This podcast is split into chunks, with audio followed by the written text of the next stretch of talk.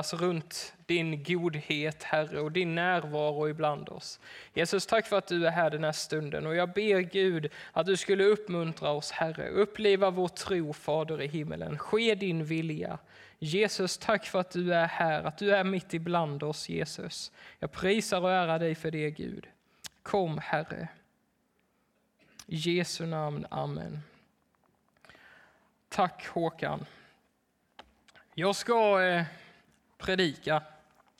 Och eh, jag eh, vill adressera oss, er, vi som församling och eh, gemenskap. Vi, idag så eh, ska vi se tillbaka på året som har varit. Eh, men vi ska också se framåt lite grann. Och jag vill bara den här stunden, en kort tid, dela med mig av eh, några saker som ligger på mitt hjärta. Vi har ett år bakom oss som är olikt något annat år som i alla fall jag har upplevt och troligtvis du också. Eh, inget har varit som det brukar. Allting har vänts upp och ner. Och inte bara för oss som gemenskap, som församling, det inte, utan det gäller liksom hela vårt samhälle har varit påverkat. Och inte bara vi, inte bara jag som individ eller min familj, utan hela mänskligheten har varit påverkad. Det har varit en global kris. Och inte bara vi här i Osby och i Sverige, vårt samhälle, utan varje ort i hela världen har på något vis varit drabbad av coronapandemin. Det har varit brytningstider i hela världen. Och om det är något vi kan räkna med när världen vänds upp och ner så är det att Gud, han gör någonting då. Gud, han tar tillvara på tillfället och han agerar. Och vi har ett år bakom oss som är präglat av ett oerhört mänskligt lidande. Det är ett år präglat av sorg, av klagan. Vi önskar att saker skulle ha varit annorlunda. Vi har en nyrenoverad kyrka här, men vi har knappt kunnat få njuta av den under ett år. Vi, alla möten, både tillsammans, vi som församling, men också med släkt och vänner som inte har blivit av, men som skulle kunna ha blivit av om saker var annorlunda. Och det här året så finns det mycket att se tillbaka på och vara sorgsen över. Och det finns saker som vi har gjort här som församling tillsammans som vi har gjort bra under detta året. Många saker. Det finns många saker som vi säkert hade kunnat göra bättre.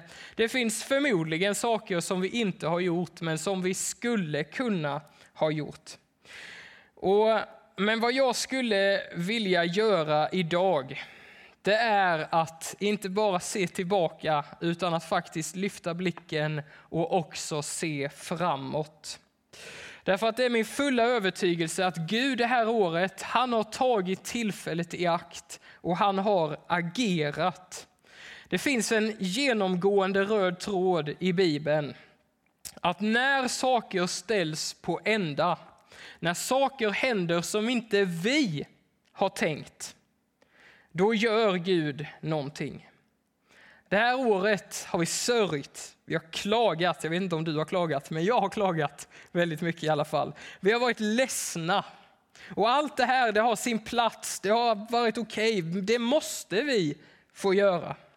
Men jag tror nu att också det är dags att lyfta blicken och med förväntan välkomna framtiden och i tacksamhet be om Guds ledning in i den nya tid som vi är på väg in i och som Gud har förberett bakom kulisserna. Levi Petrus, den svenska pingströrelsens förgrundsgestalt och ledare på 1900-talet, han skrev en bok som hette Brytningstider är segertider. Det var hans erfarenhet att när allt ställs på ända, när allt blir upp och ner, då tar Gud tillfället i akt och agerar. Han gör någonting. Han bryter ny mark. Och när Jesaja, kan vi läsa om i en av profeterna, när han profeterar mot Israels folk och när han predikar dom över folket för det som har varit så säger Gud samtidigt i Jesaja kapitel 43 och vers 18 till 19. Tänk inte på det som har hänt. Bry er inte om det som var förr. Se, säger han, jag gör något nytt. Redan nu visar det sig, märker ni det inte? Jag ska göra en väg i vildmarken och strömmar i öknen. Halva Israels folk sitter i fångenskap i Assyrien. Babylonien kommer och hotar andra delen av folket. Och Gud, han säger, se, jag gör någonting nytt. Jag ska göra en väg i vildmarken och strömmar i öknen. I Apostlagärningarna kapitel 4 så hamnar den första församlingen i förföljelse. Och de börjar be och I Apostlagärningarna 4, och vers 29 till 31 så kan vi läsa det här. Deras bön, Herre, se hur de hotar oss. Hjälp dina tjänare att frimodigt förkunna ditt ord genom att du räcker ut din hand och låter helande tecken och under ske genom din helige tjänare Jesu namn. När de hade bett skakades platsen där de var samlade och de uppfylldes alla av den helige Ande och förkunnade Guds ord med frimodighet. Brytningstider är segertider för Guds folk. I Apostlagärningarna kapitel 7 och 8 så läser vi om hur Stefanus stenas och blir martyr. Och efter det utbryter en svår förföljelse. Och Det står i kapitel 8 att hela församlingen skingras. De fick fly för sitt liv. Det är brytningstider. Men det står sen att det leder till att Samarien får höra evangeliet och väckelse bryter ut. Förföljelsen är liksom inledningen, det är upprinnelsen till att Paulus blir omvänd. Och Paulus är den största missionären, kanske i kyrkans historia. Mitt i det svåra, det hemska, så gör Gud något nytt. Han tar tillfället i akt och bryter ny mark. Brytningstider är segertider. Och den här tiden är jag helt övertygad om att det är av yttersta vikt att vi som församling frågar oss Gud, vart leder du? Vad säger du i den här tiden? Vad gör du i den här tiden? Och vi kan, vi bör sörja, gråta, klaga, det har sin plats. Men det är också läge att med förväntan se fram emot framtiden därför att Gud bryter ny mark. Och det är omöjligt att spekulera över hur samhället kommer se ut när vi öppnar upp igen. Men det vi kan se det är att undersökning efter undersökning visar att i spåren av pandemin så ökar ohälsan på alla områden, på alla plan. Den andliga, den psykiska, existentiella, den fysiska, den sociala ohälsan växer i vårt samhälle. Undersökningar visar att alla former av missbruk ökar.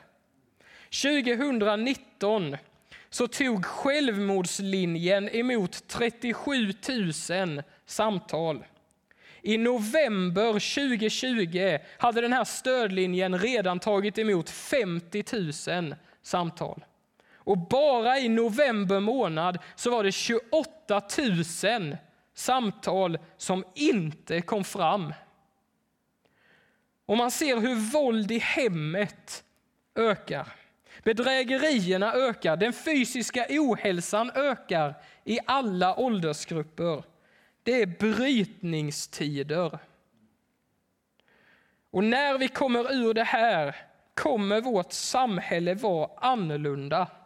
Våra grannar, kollegor, klasskamrater, du och jag kommer vara annorlunda.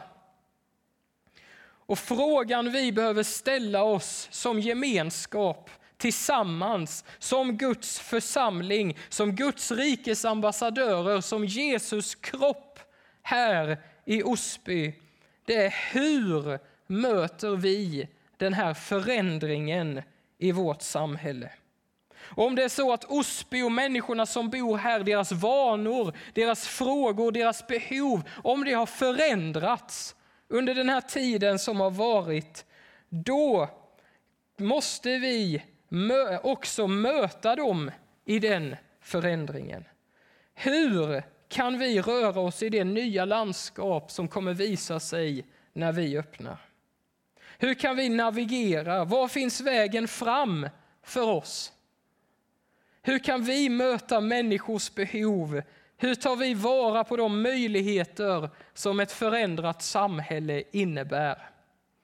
Och jag vet inte vad du känner och upplever när du hör de frågorna, men jag känner en nöd för vårt samhälle. Någonting måste till, någonting måste hända. Min bön ständigt är Gud, gör någonting. Använd oss, led oss.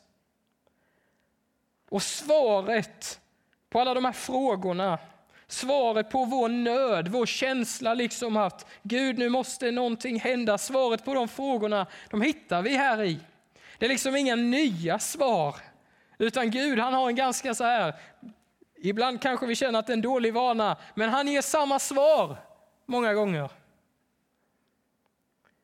Och i brytningstider genom historien så är svaret från Gud det är alltid detsamma. Det är vid mina fötter ni finner vägen, säger han. Idag så är det pingstdag.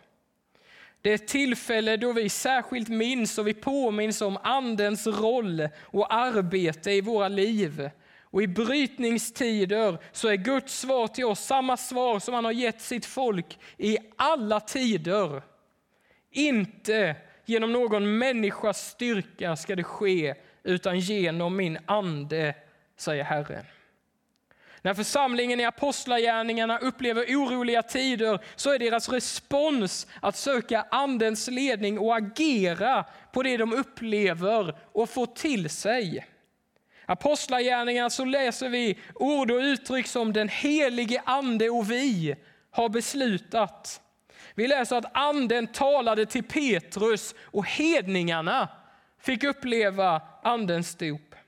Vi läser att när de tjänade Herren och fastade sa den helige ande och Paulus och Silas blir utsända som missionärer. Vi läser att Paulus på sin resa blev hindrade av den helige ande.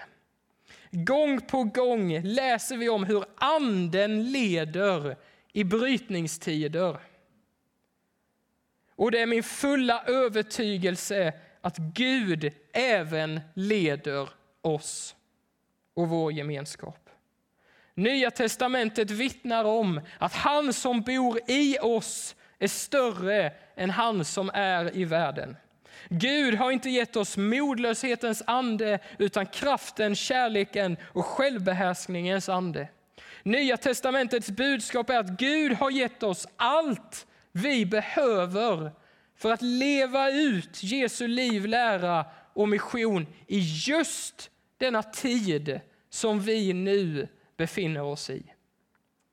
Vi lider ingen brist. Gud bor i oss. Och vi befinner oss i brytningstider. Och det är min fasta övertygelse att vi är på väg in i en ny tid efter corona. Post-corona. Och i varje ny tid har det varit församlingens uppgift att ställa frågan vad säger anden i den här tiden? Vart leder han oss? Och det vi med säkerhet vet och kan vila tryggt i, det är att Jesus bygger sin kyrka och dödsrikets portar har ingen makt över den. Vi har befunnit oss i en tid av krishantering, av sorg, klagan, men också mycket glädje, nya sätt att göra saker på, nya möten med människor. Men nu är vi igen på väg in i en ny tid. En ny tid med nya möjligheter, en tid med nya behov. Och vi behöver navigera i den här nya tiden. Och jag hoppas att när vi kommer tillbaka efter sommaren och kan mötas igen, för det vill jag tro att vi kan göra. Då hoppas jag att vi ska kunna börja prata om hur vi kan navigera in i den här tiden. Hur kan Guds väg se ut för oss framöver? Vi, anser jag, behöver ta tillfället i akt nu när allting har varit på ända, att precis som Gud bryta ny mark. Och det är min ambition att jag och församlingsledningen ska kunna bli lite mer konkret i hur vi som församling framöver kan vara med och bana en ny väg in i den nya tid som vi är på väg in i. Och fram tills dess, efter sommaren, så väntar det just en sommar. Och det ska bli härligt. En tid av vila och avkoppling för många av oss i alla fall. Men vad jag önskar att du den här tiden som ligger framför gör är att du är med oss och ber för vår gemenskap, för Osby kommun och den nya tid som vi går in i. Var med oss och be om Andens ledning, om Andens vidrörande över oss, att vi kan se det han ser, att vi får höra det han hör så att vi kan göra det han gör. Därför jag tror att det är dags att trampa ut nya vägar så att vi kan möta den här nya tiden tillsammans. Därför att vi har ett ärende till den här världen som ingen annan har. Vi har ett ärende till Osby som ingen annan bär. Och vi behöver förvalta den här tiden som vi nu går in i. Så min bön, min vädjan till er, till oss som gemenskap, att be, be tillsammans med oss.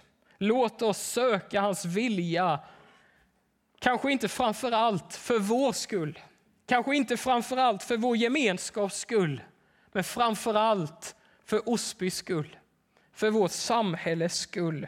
För vår värld, vårt samhälle behöver det. Vårt samhälle behöver en levande, livfull, andefull pingstförsamling. Vårt samhälle behöver det. Så låt oss be om det. Låt oss börja prata om efter sommaren hur det liksom kan se ut i denna nya tiden som vi går in i. Kanske ska vi göra någonting annorlunda, kanske ska vi börja göra någonting vi inte har gjort tidigare. Jag inte, vet inte helt ännu, jag har några idéer, men låt oss börja prata, spåna, be tillsammans därför att Guds ande föll, har fallit över allt Guds folk. Gud bor i dig. Du är hans tempel. Dina gåvor som du har i ditt liv är dig givna av honom. Han, Jesus Kristus, tar kropp i dig och i oss här i Osby. Jag vill bara ta en stund av bön tillsammans med er. Då vi ber för vår gemenskap, då vi ber för framtiden och då vi framför allt ber för vårt samhälle som vi är satta att tjäna. Därför Gud har en tanke med Osby. Han älskar Osby. Han älskar varje människa som bor här och han har kraft att möta de behoven som vårt samhälle står inför. Så jag vill avsluta så. Det enda jag har att komma med idag, det är en uppmaning om bön. Låt oss söka Gud tillsammans. Därför att vårt samhälle behöver det. Och låt oss möta framtiden tillsammans i bön. Och jag tänker så här nu, att vi tar en stund, liten stund i bön. Och vi har gjort detta många gånger på torsdagskvällar. Det här är inte annorlunda. Jag vill eh, uppmuntra er som sitter där hemma att ta några stycken, vi kan väl bara vara ett par stycken som är med och leder i bön. Så slå på din mick, var frimodig, sätt på din mick och led oss i bön. Så, eh, så tar vi en liten stund och ber tillsammans.